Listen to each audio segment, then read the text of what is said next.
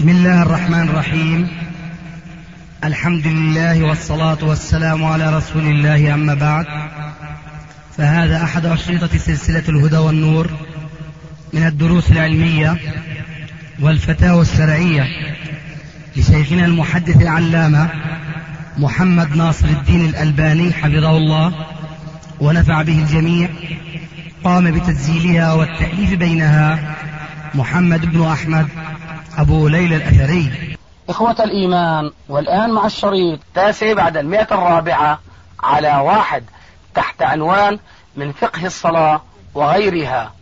تم تسجيل هذه المجالس العلمية في حج 1410 هجري. في صلاته عند خروجه من الصلاة فهو حينما يسلم لا يقول هكذا السلام عليكم ورحمة الله. السلام عليكم ورحمة الله. وإنما يظل بصدره كما كان في كل صلاته مستقبل القبلة وإنما ينحرف برأسه يمنة ويسرة. كذلك المؤذن حينما يأتي عند الحيعلتين يلتفت هكذا برأسه فقط وصدره يظل إلى القبلة كما كان من قبل. يقول حي على الصلاة حي على الصلاة. حي على الفلاح حي على الفلاح ويتم الأذان. وبارك الله فيك. جزاك الله خير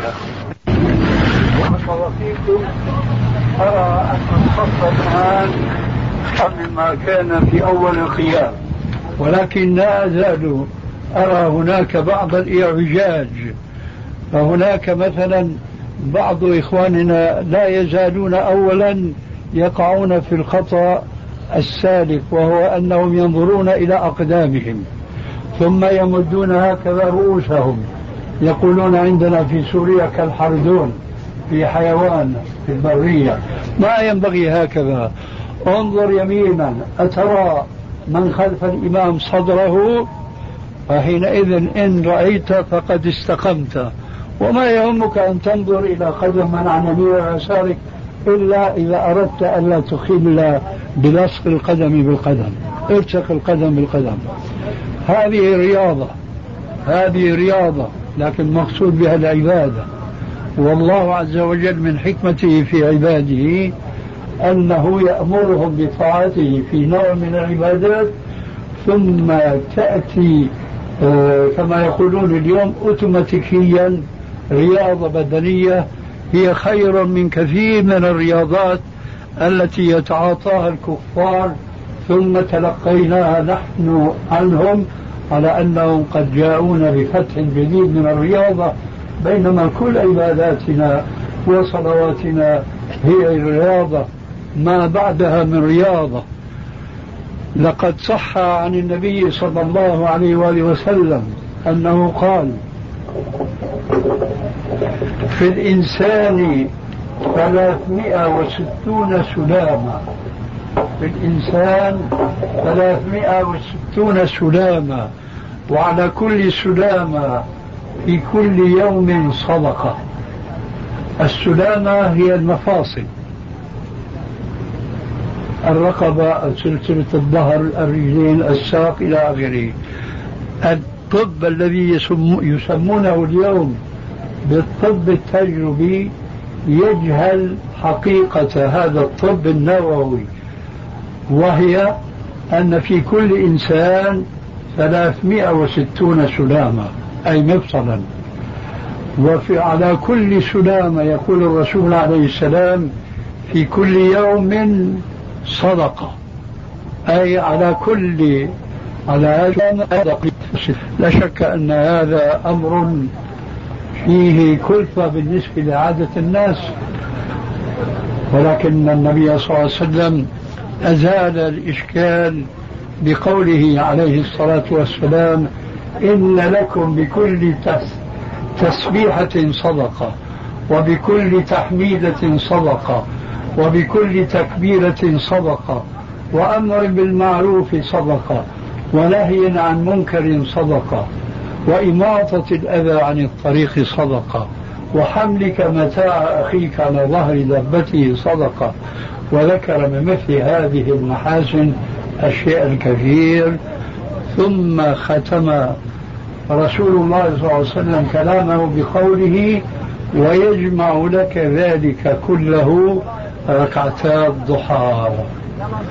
ركعتا الضحى أي من صلى ركعتين في وقت الضحى فكأنما تصدق بستمائة بثلاثمائة وستين صدقة وذلك شكرا لله عز وجل على هذه السلامة والمفاصل.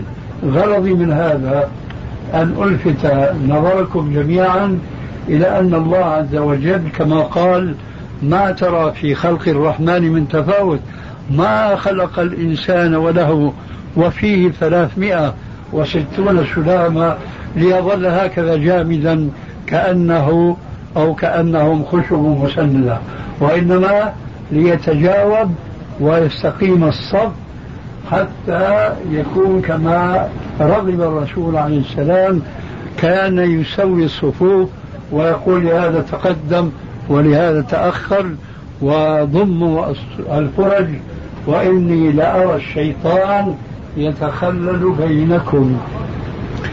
وطرد الشيطان. ولا تؤاخذوني إذا أوقفتكم كثيرا. فقد وقفت معكم وأنا عجوز كما ترونني. الشاهد أنتم الآن تؤمرون بتسوية الصفوف لتحقيق رغبة بل أمر من أوامر الرسول عليه السلام وهذا يتطلب منكم شيء من الليونة ومن الحركة.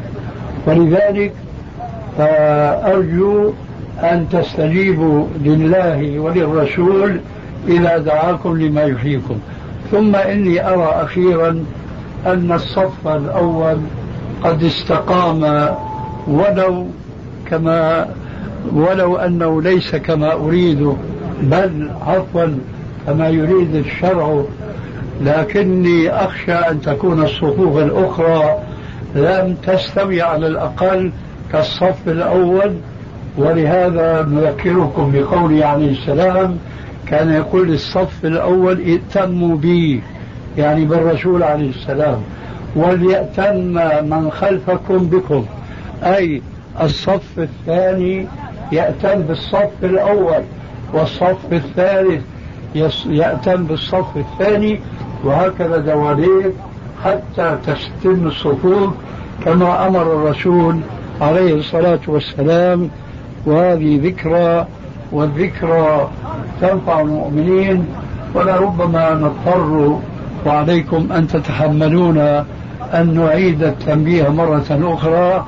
حتى نستقيم على أمر نبينا صلوات الله وسلامه عليه.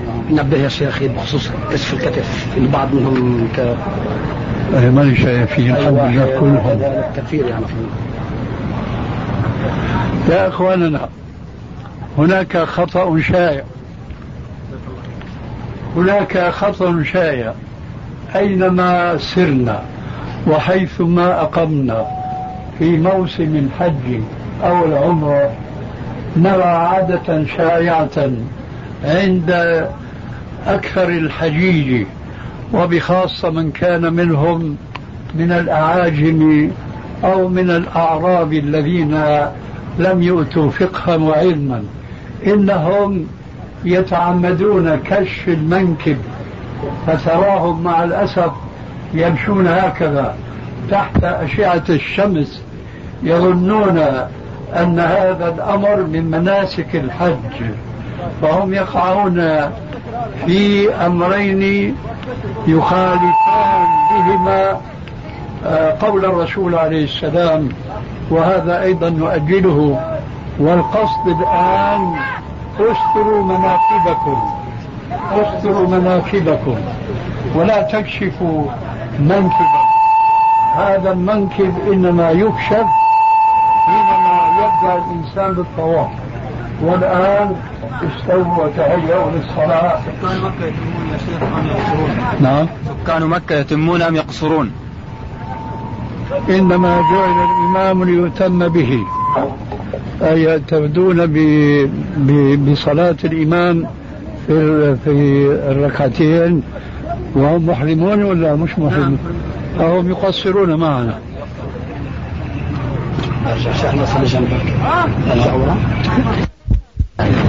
والحديث الذي ورد في هذا الخصوص في صحيح مسلم فيه رجل ضعيف وهو عمر بن حمزة.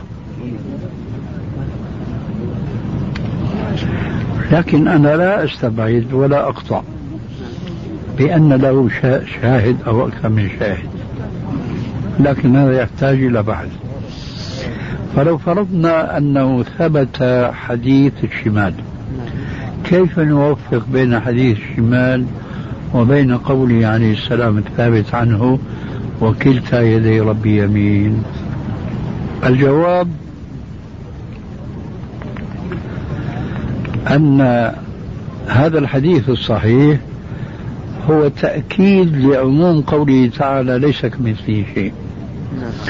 فالعبد له يمين وله يسار شمال. والله له يمين وله شمال على فرض ثبوت الحديث. نعم. نعم. ما ننسى هذا. نعم نعم طيب. على فرض نعم. على فرض. ثبوت الحديث. فالله له يمين وله شمال لكنه يتميز بكونه الخالق بأن كلتا يديه يمين. هذا كالتفصيل لقوله ليس كمثله شيء. ولذلك قد ضل ضلالا بعيدا واعظ مصري معروف في أثناء درس له كان يعظ الناس ومن عادته أنه يبالغ في حض الناس على الصلاة على الرسول. فأخذ يمدح الرسول عليه السلام إلى أن وصل قولي يا رسول الله الذي من صفاتك أن كلتا يديك يمين هذا غلو آه. لماذا؟ لأنه أعطى الصفة التي اختص بها رب العالمين دون سائر الناس أجمعين لرسول الله صلى الله عليه وآله وسلم فلو ثبت حديث الشمال نقول له يمين وله شمال ولكن يتميز على الناس بأن من صفته أن كلتا اليدين يمين. ما يكون هنا هناك يعني من باب التفضيل؟ من باب؟ التفضيل يعني أو من باب المبالغة يعني وكيف يعني؟ ما في مبالغة هذه حقيقة. أما من باب يعني. هذه رآها يعني بعض العلماء يعني. آه. مباركة يعني مباركتان يعني بمعنى يمين مباركتان. كلتاهما يعني من المباركة هذا هذا رأي الشيخ عبد العزيز. إثبات اليمين. يثبت الشمال. رأي الشيخ عبد العزيز. يقول إذا ثبت اليمين فنثبت الشمال. يقول صحيح. نعم. أقول يا شيخ الذي يقول ولو لم يثبت الحديث لكن إثبات اليمين إثبات للشمال. هذا بالنسبة إلينا. بالنسبة إلينا. أو قياسا علينا. نعم. من أين نأتي بالشمال لرب العالمين وهو غيب الغيوب؟ الله من أين نأتي؟ وفي الحديث أن كلتا يدي ربي يمين. أنا لا أجر أن أثبت لله يد الشمال إلا بالنص الصحيح. نعم. هذا خلاص الكلام. حسب بحثنا القاصر أن حديث عبد الله بن عمر الذي في صحيح مسلم والذي فيه عمر بن حمزة العمري لم يكن له شاهدا إلا كما قال البيهقي يقول له شاهد وفيه آه، الرقاشي يزيد الرقاشي متروك. إيه. نعم يقول ليس له شاهد إلا حديث فيه يزيد الرقاشي وهو متروك. لا يكفي. لا يكفي. لا يكفي شاهدا ولا ينهض شاهدا. لا يعتبر شاهدا. أحسن. وأرجو الله أن يتيحني الفرصة للبحث في هذه القضية.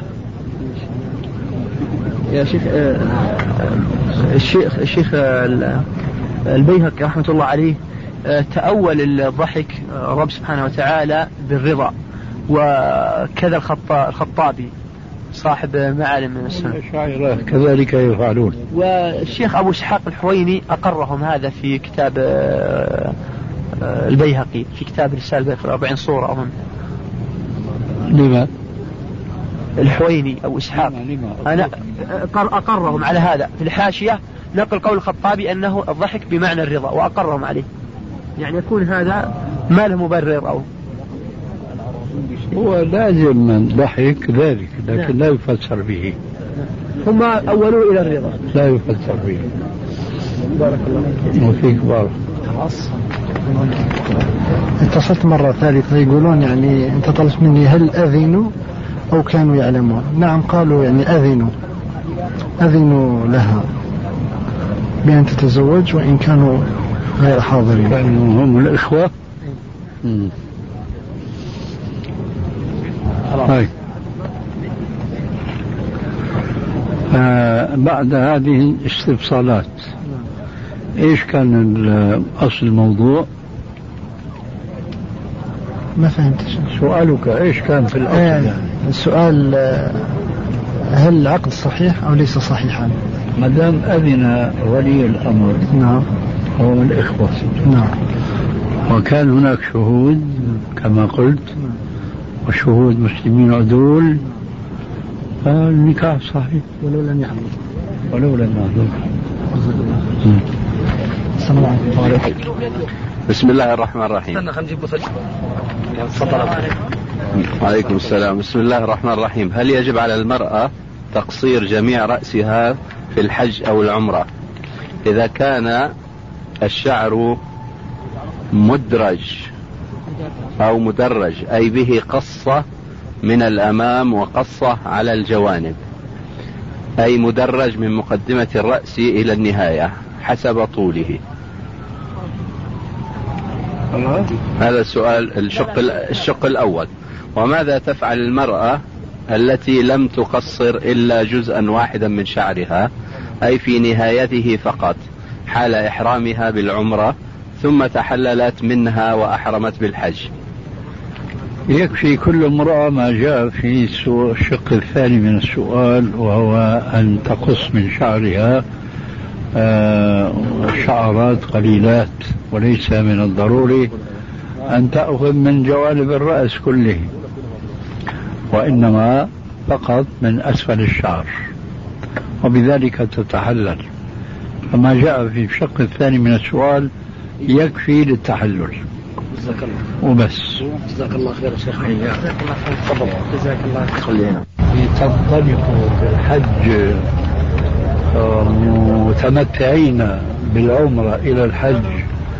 عملتم المستطاع للتبكير بأداء العمرة أولا ثم التحلل منها ثم الإهلال بالحج في اليوم الثامن.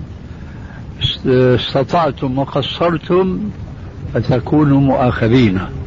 أما إذا ما قصرتم فما قيل لك هو الوجه ولا سبيل إلا ذلك أن تلبي بالحج حيث أنت. ولكن يكون حجك مفردا ويكون قد فاتتك عمرة الحج. والله عز وجل يقول وأتموا الحج والعمرة لله. ويقول فمن تمتع بالعمرة إلى الحج فما استيسر من الهدي. الشاهد أنه كما قيل لك انمي الحج وتابع مناسك الحج وعليك الإفاضة وليس عليك السعي وليس عليك هدي. واضح؟ تقصير قصرت قصرت في تقريبا الساعة 11 ونصف ماذا قصرت؟ طبعا هو.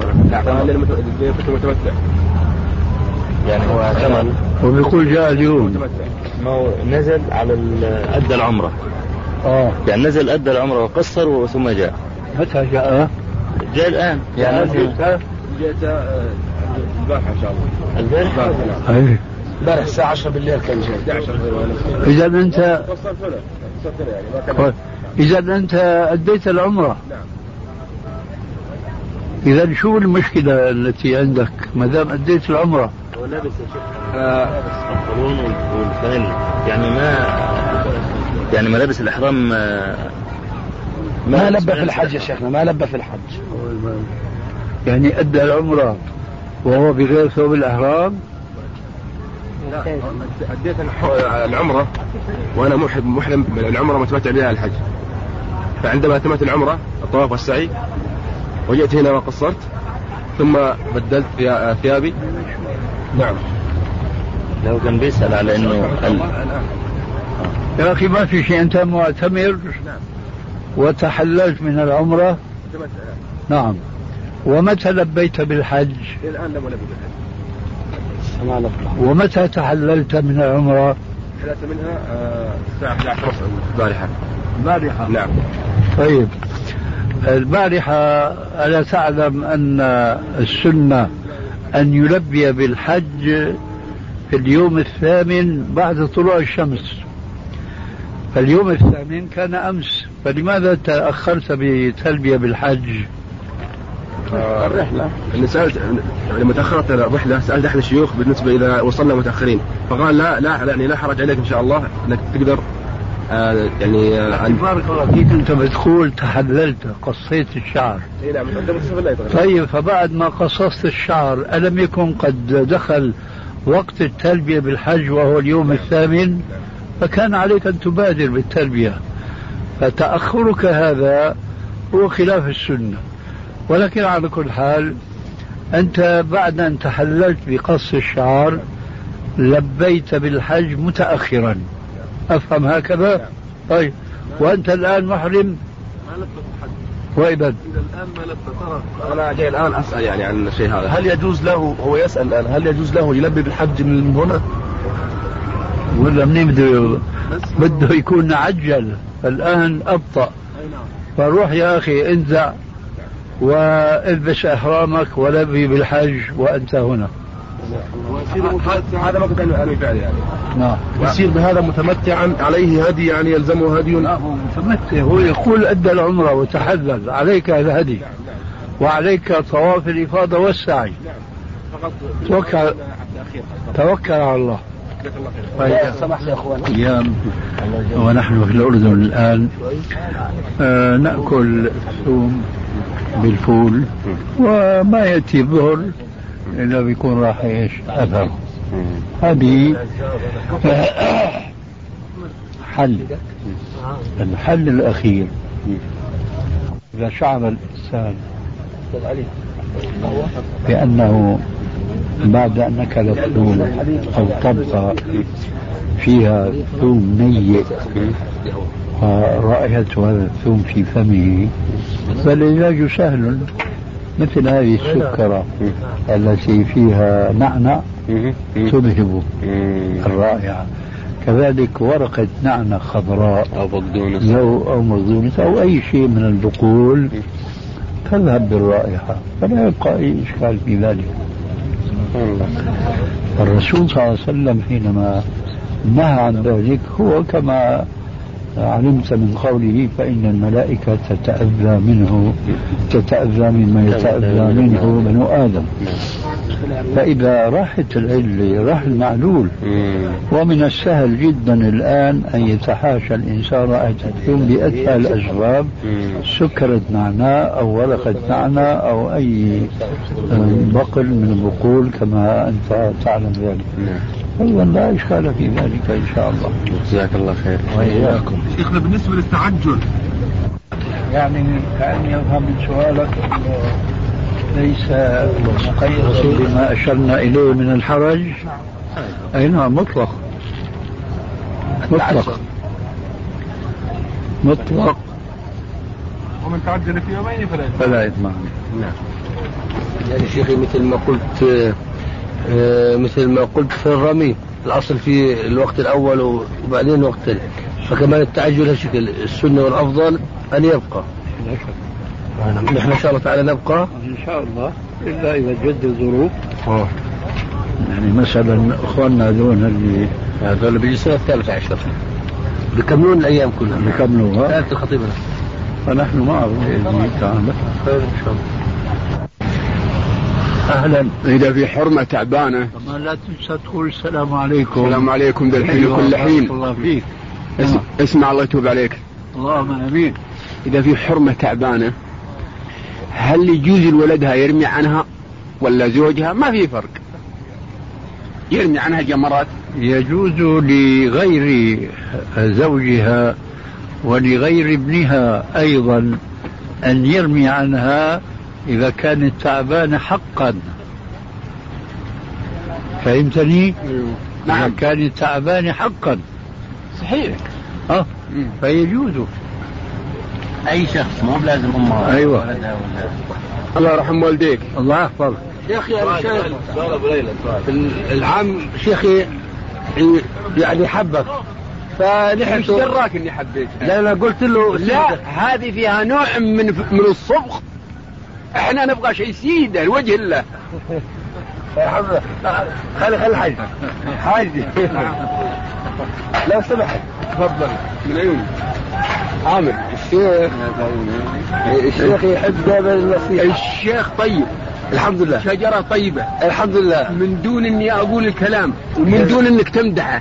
لأن أوسامهم في وجوه سماهم سماهم في وجوههم في وجوههم وفي نطقهم أنا يا الرجل اللي قدامك أنا الشيبة هذا. تراني شوي وحش مش وحش اضرب الناس ومن فضل الله ما وقفت عند قاضي ولا سجن ولا شرطة ولا شيء. المهم بس إني أحب سيدة سيدة سيدة. الحمد لله. أحب الكلام صدق في محله. الحمد لله. كلمته اللي قال لي أنا مبسوط منها. لكن أنا رديت على ذاك الوقت قلت يمكن ألقى غيرك بكرة ولا بعد بكرة يقول كذا يقول كذا. فلكن الأعمال بالنيات. عرفت كلامي؟ جزاك الله خير. عرفته؟ أيوه عرفت. هو صاب الهدف. قرر على هدف مزبوط. لكن يمكن القى واحد غيره بكرة يقول. خلاص. إذا افتى لك شخص وسألته خلاص ما تاخذ كلام غيره. الحمد لله أنا بمشي على في ضميري. اللي يريد في الرمي هل يرمي؟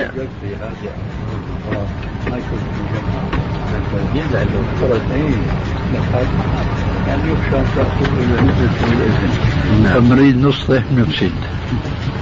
نفسد بالنسبة يريد في الرمي اول شيء يرمي عن نفسه بعدين يرمي عن غيره ولا يعني بالترتيب ولا؟ في أحد يشترط يا شيخ؟ في كتب الفقه؟ في حديث ابدا بنفسك ثم من تعوله لكن من, من موقف واحد ما تغير موقف كأني سمعت مو شرط. مو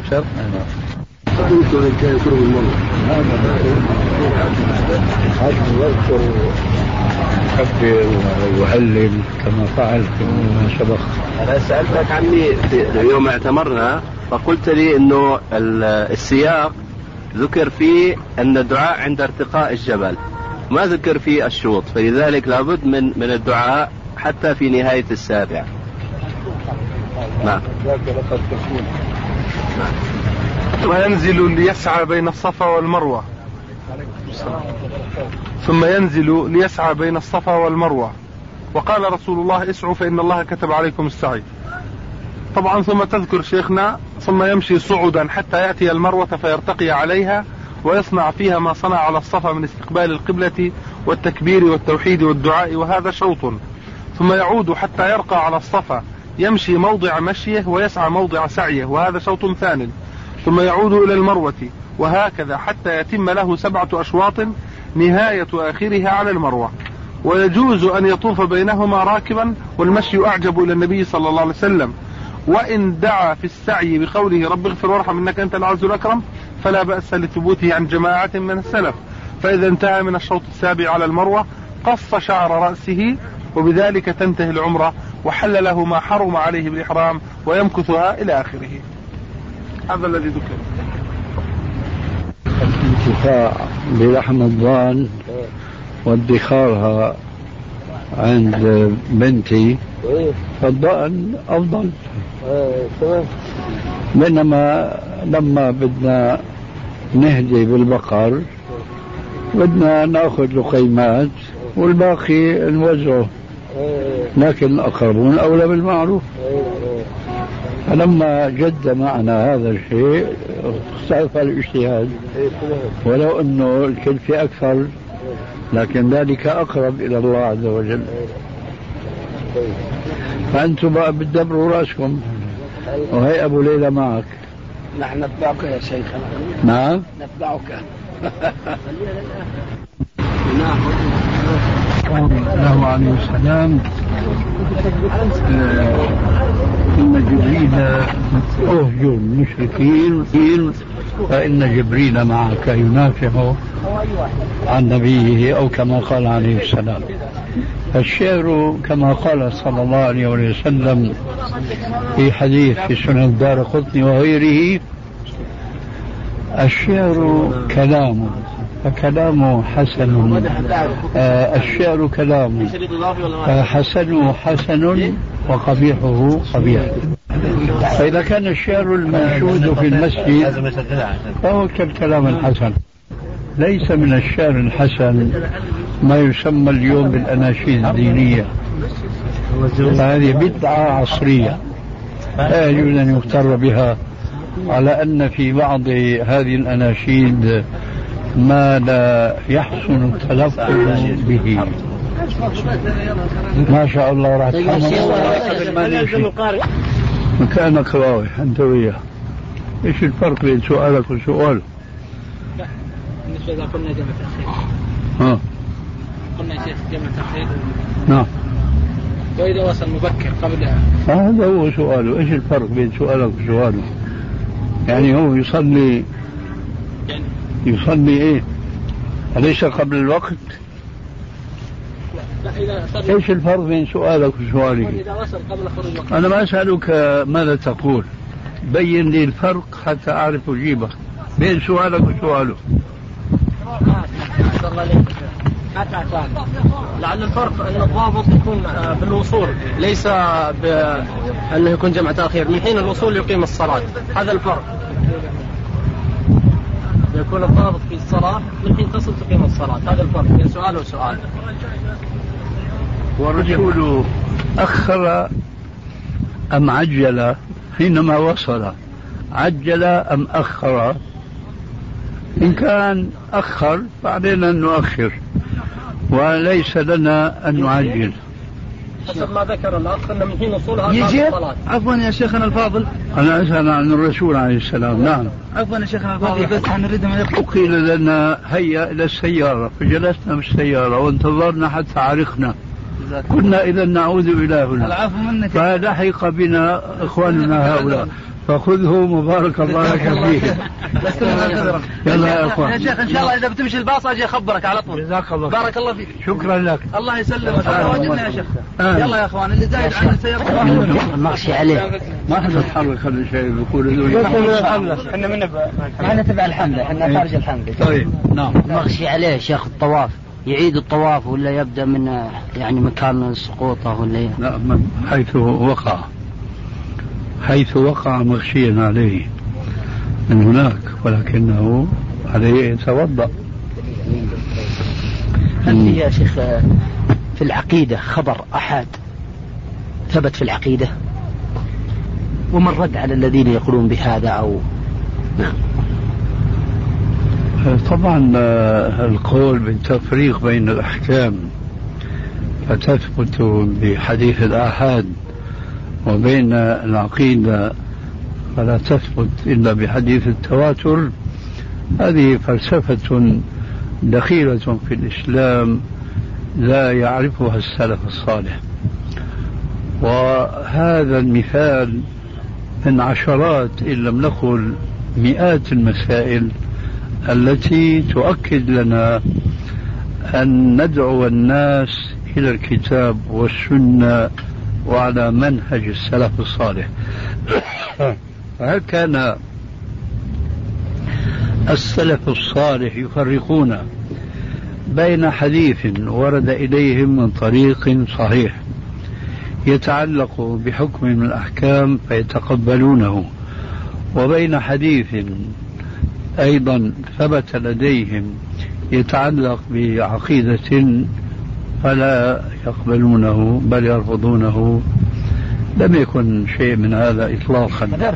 وإنما كانوا يعملون النصوص الشرعية من الكتاب والسنة الملزمة بالأخذ بالحديث الوارد عن النبي صلى الله عليه وسلم. دون تفريق بين حديث يتعلق بحكم أو حديث يتعلق بعقيدة. ونحن نقول حينما نتحدث في هذه المسألة آه، من الثابت لدينا باليقين أن النبي صلى الله عليه وآله وسلم كان يرسل الرسل من طرفه إلى بعض البلاد العربية أو بعض القبائل العربية يدعونهم إلى الإسلام. فأرسل عليا وأرسل معاذا وأرسل أبا موسى الأشعري وأرسل دحية الكلبي ونحو ذلك. هؤلاء أفراد. يمشي؟ ف مين هو؟ نفس الرجل اللي كان هون؟ محمد. يا الله سبحانك اللهم وبحمدك. بعد الزوال. إلى إلى المغرب. خلص خلص يا شيخ. لبيك اللهم لبيك. سجل. لبيك اللهم لبيك. لبيك لا شريك لك. لبيك. إن الحمد والنعمة لك والملك لا شريك لك. لبيك اللهم لبيك. لبيك لا شريك لك. لبيك إن الحمد والنعمة لك والملك. لا شريك لك. لبيك اللهم لبيك. لبيك إله الحق. لبيك إله الحق. لبيك إله الحق. لبيك إله الحق. لبيك إله الحق. لبيك اللهم لبيك لبيك. لا شريك لك لبيك. إن الحمد والنعمة لك والملك. لا شريك لك. لبيك اللهم لبيك. لبيك لا شريك لك لبيك. إن الحمد والنعمة لك والملك لا شريك لك. لبيك اللهم لبيك. لبيك لا شريك لك لبيك. إن الحمد والنعمة لك والملك لا شريك لك. الشباك مفتوح وإلا كان صرعنا منيح الشباك مفتوح يا أبو ليلى؟ نعم يا شيخ. الشباك هذا النافذة مفتوحة. وإلا والا كان فجرة سيارة لا الصوت راح والصوت ورجع حطم الزجاج. لبيك اللهم لبيك. نعتبر وقفنا بعرفة الآن. لو لو لو كنا بعد الزوال مثلا. لو مرينا مرور كذا. نحن إذا كنت بدك الناحية اللغوية أولا ما في باصات ورانا. وقفنا عدة وقفات. والله ما في باصات باصات ورانا ما في. طيب والناحية الشرعية كذلك وقفنا ساعة من ليلة ونهار. عجيب يعني بس هل اشترط بعد الزوال أو قبل؟ ساعة من ليل أو نهار اشتغل هذا ما شاء الله. إذا أردت الشرط. أما إذا أردت السنة فبعد الزوال. نعم. طيب سؤال جانبي حكم الصلاة صلاة الفريضة داخل الكعبة لأنه يفتي كثير من هذا أنها لا تجوز أو يعني أقل مو لا تجوز. لهم هاتوا برهانكم هاتوا برهانكم كنتم صادقين؟ يعني عموما الحديث جعلت هي الأرض مثل طهورا يشمل داخل الكعبة؟ لا هذه مسألة أخرى. لأنهم المشكلة مو من الناحية. المشكلة أنه استقبل جانبا من الكعبة. وليس كل الكعبة لكن الصلاة إن شاء الله يعني كما قلت ما في ما في دليل. جزاك الله خير. بالنسبة يا شيخ لذبح الأضاحي عن طريق الهدي والأضاحي عن طريق المصارف هذه تدفع مبلغ وتذبح في الخارج أو هنا. يعني هل مقبولة تقريبا أو؟ إيه مقبولة لكن ناقصة. لأنه لا لا يأكل منها ولا يتصدق منها ولا يدخر منها.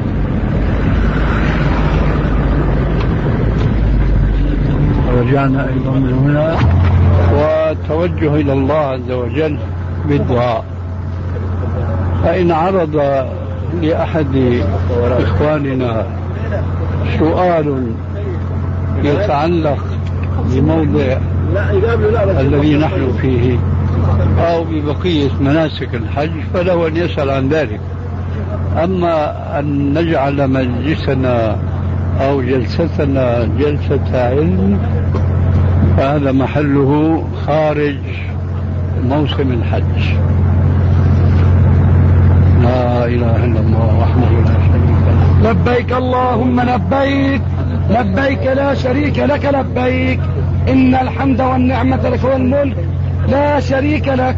جو ما في داعي كيف يجب, أن نعرف الآن باتجاه القبلة. مو مشان الصلاة مشان التوجه بالدعاء. أعرف اتجاه القبلة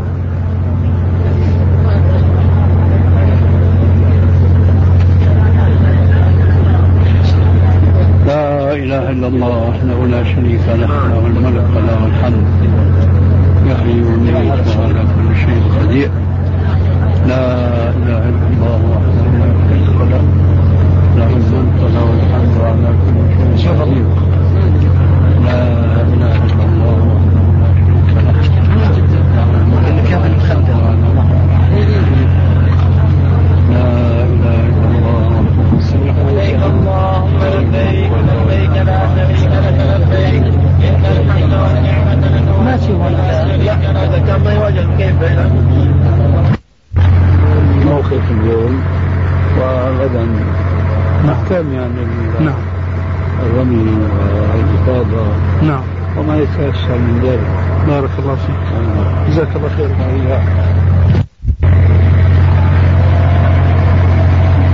كان بإمكانك تحرم من قبل ولا ما كان بإمكانك؟ بس كنت في عجلة في أمري ما قدرت. كنت في عجلة من أمري ما قدرت أتمكن. إذا كنت كما تقول فأحرم منذ الآن. أحرم الآن. جزاكم الله والله الله. يتقبل منا. حديث إن الله إن الله يباهي الحديث. إن الله يباهي بأهل عرفات أهل السماء. فيقول انظروا إلى عبادي جاءوني شخصا غبرا في رواية ثانية ما من يوم أكثر من أن يعتق الله فيه عبدا من النار يوم عرفة وإنه ليد ثم يباهي بهم الملائكة. فيقول ما أراد هؤلاء. كويس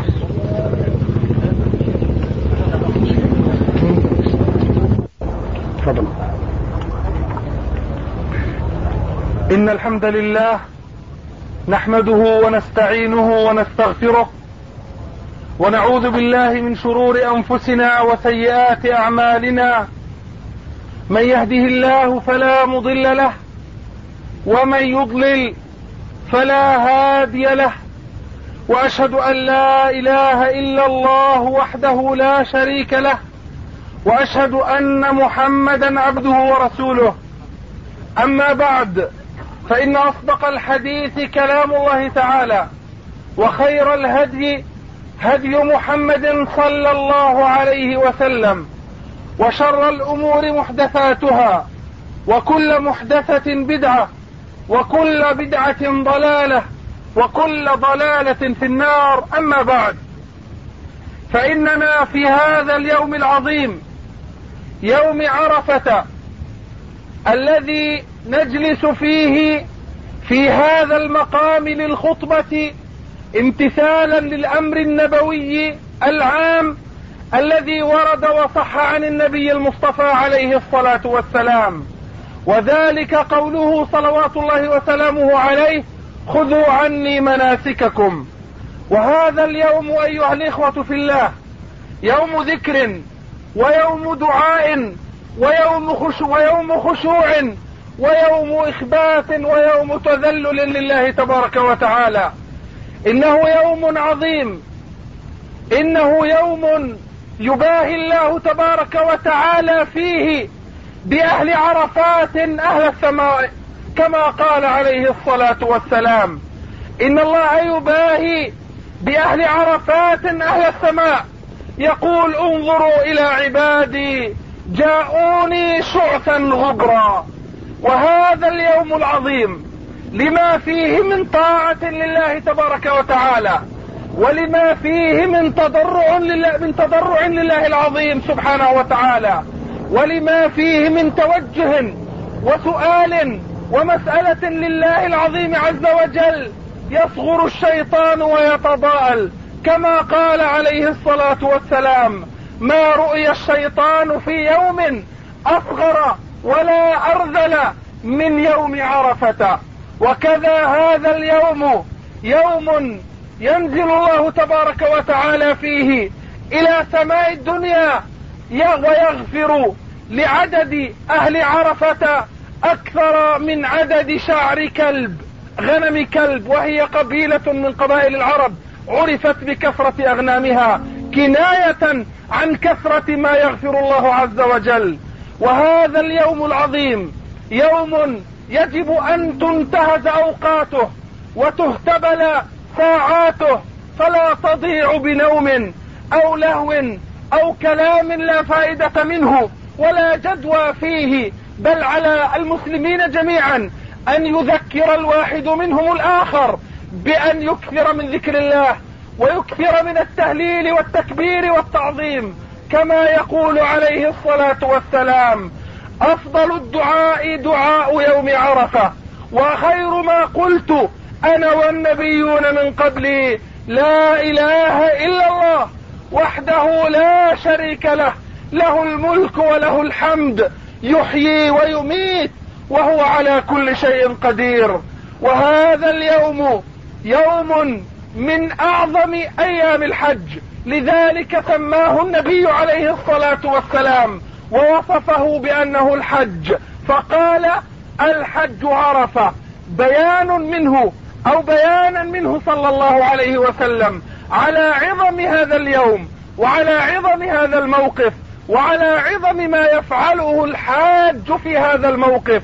فيبقى الحاج في هذا اليوم إلى أن تغرب الشمس.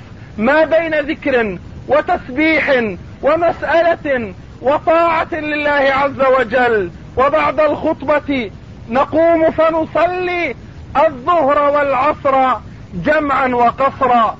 وهكذا بين ذكر وتسبيح وطاعة لله عز وجل إلى أن تغرب الشمس. ثم ننطلق إلى مزدلفة. فنصلي هناك المغرب والعشاء أيضا جمعا. فإذا أدرك ذلك في المغرب جمع جمع تقديم وإذا أدرك في العشاء جمع جمع تأخير. وهكذا المسلم في هذه الأيام يسأل ربه عز وجل من خيري الدنيا والآخرة ويمحي ضغائن القلوب ويمحي سواد النفوس ويفتح صفحة جديدة مع ربه عز وجل. وفي هذا الحديث الذي ذكرناه خير ما قلت أنا والنبيون من قبلي لا إله إلا الله وحده لا شريك له له الملك وله الحمد يحيي ويميت وهو على كل شيء قدير. أقول في هذا الحديث إشارة من النبي المصطفى صلى الله عليه وسلم إلى عظم التوحيد إلى عظم توحيد الله عز وجل فهو الغاية التي خلق الله الخلق من أجلها. كما قال تبارك وتعالى وما خلقت الجن والإنس إلا ليعبدون. ما أريد منهم من رزق وما أريد أن يطعمون. إن الله هو الرزاق ذو القوة المتين. وكذا كما في حديث معاذ وغيره عندما أرسله النبي صلى الله عليه وسلم إلى اليمن قال يا معاذ إنك تقدم على قوم هم أهل كتاب. فليكن أول ما تدعوهم إليه أن يوحدوا الله. وكذلك في حديث معاذ عندما كان رديف النبي صلى الله عليه وعلى آله وصحبه وسلم قال له يا معاذ أتدري حق الله على العبيد؟ فقال معاذ رضي الله عنه الله ورسوله أعلم.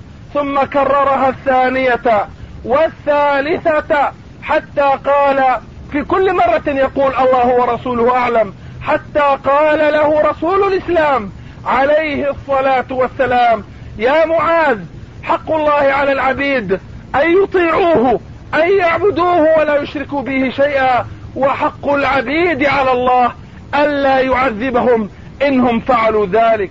ففي هذا الحديث وفي هذا اليوم الذي يكثر فيه المسلمون من التهليل لله ومن ذكر كلمة التوحيد لا إله إلا الله إشعار وبيان بتجديد العهد مع الله عز وجل وإلزام من النفوس والقلوب والعقول بالاستمرارية في دعوة التوحيد في النفس وفي الغير كما قال تبارك وتعالى قل هذه سبيلي أدعو إلى الله على بصيرة أنا ومن اتبعني وسبحان الله وما أنا من المشركين. هذا ما ينبغي لنا أن نتدارسه وأن نقوله وأن تلهج به ألسنتنا وأن تعصف به قلوبنا.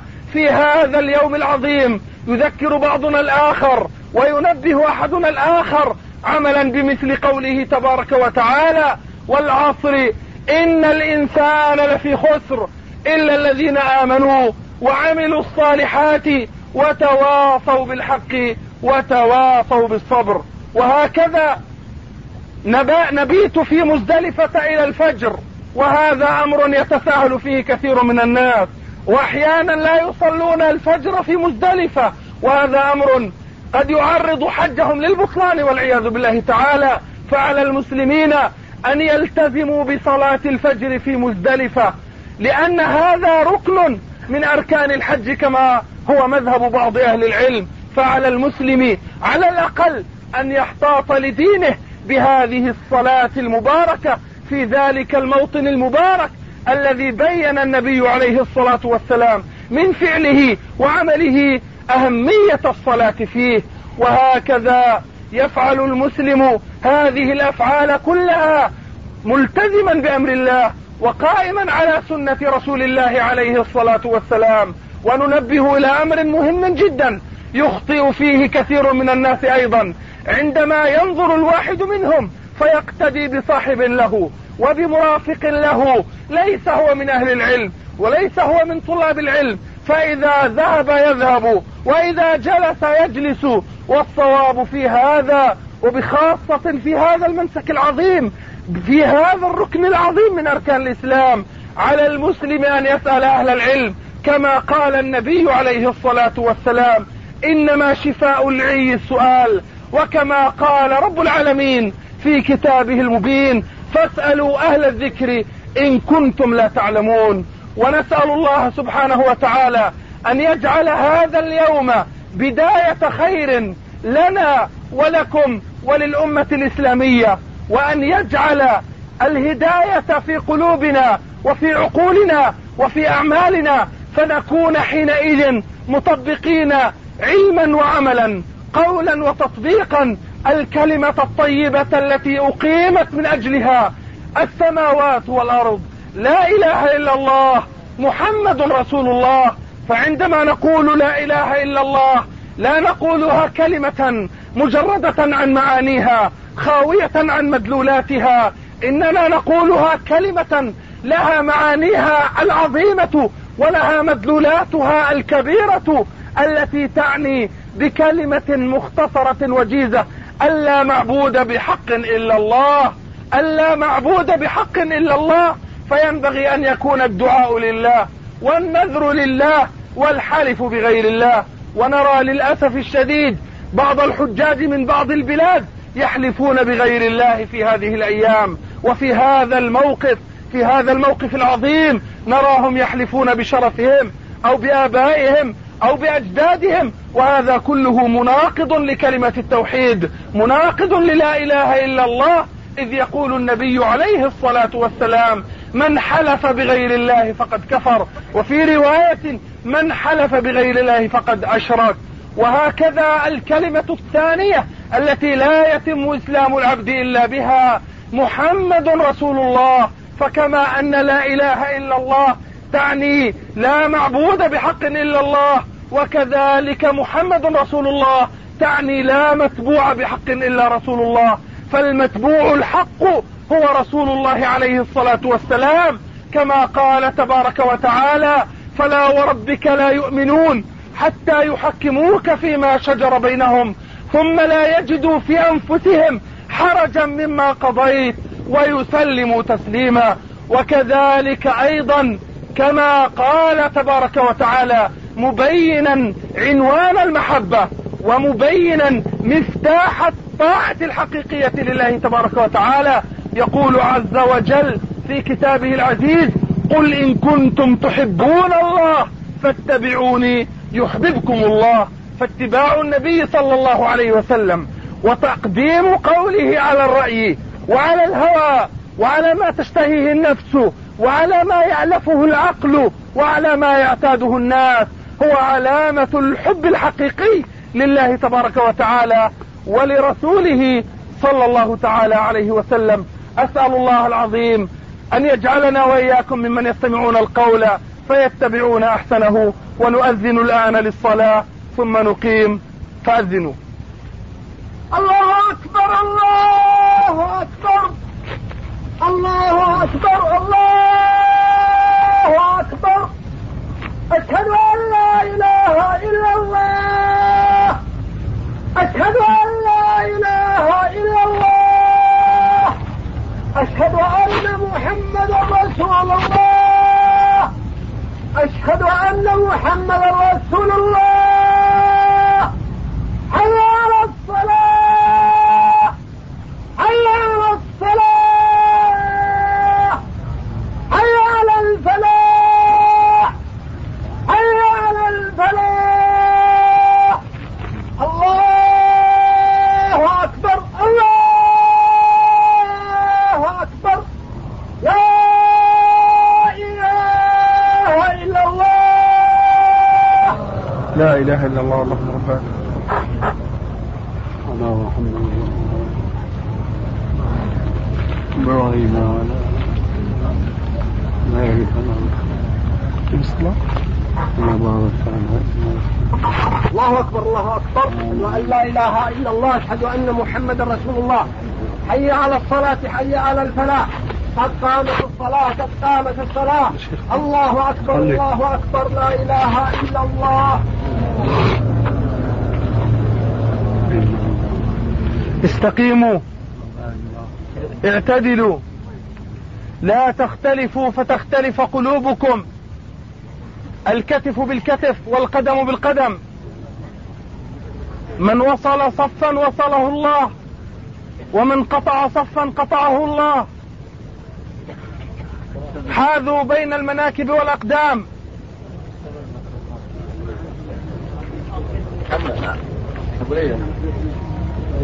سووا الصفوف.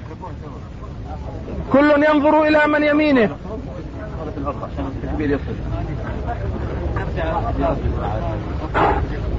يا إخوان إذا بعض المصلين يكشفون كتفهم فليستروه.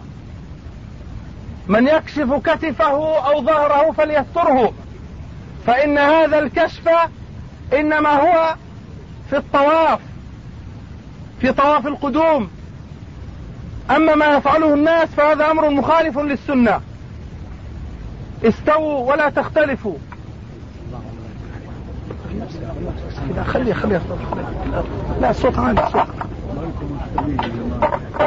ورا يا أخي ارجع شوية حجنا الله الله عاسنا وذلين من الزحمة يعني المشقة عليهم نقول هو يصح ان ان ان الجمرات عنهن ام لا؟ إخوة الإيمان تتمة الكلام في الشريط التالي إن إن نقرط الجمرات عنهن أم لا؟ شوف بده في عنده نساء فما همش قادرات أول مرة يحجين. ممكن يقرط الجمرات يعني حد يرميهم عنه حد يزتهم عنهم عنهم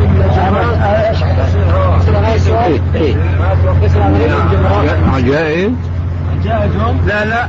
لا بالبنات بنات. نعم. ليه ما يرمون بأنفسهم؟ نعم. ليش ما يرموهم هم؟ البنات. ليش ما يقذفوهم البنات والله غير يعني زملان نزحم عليه يتأخروا شوي.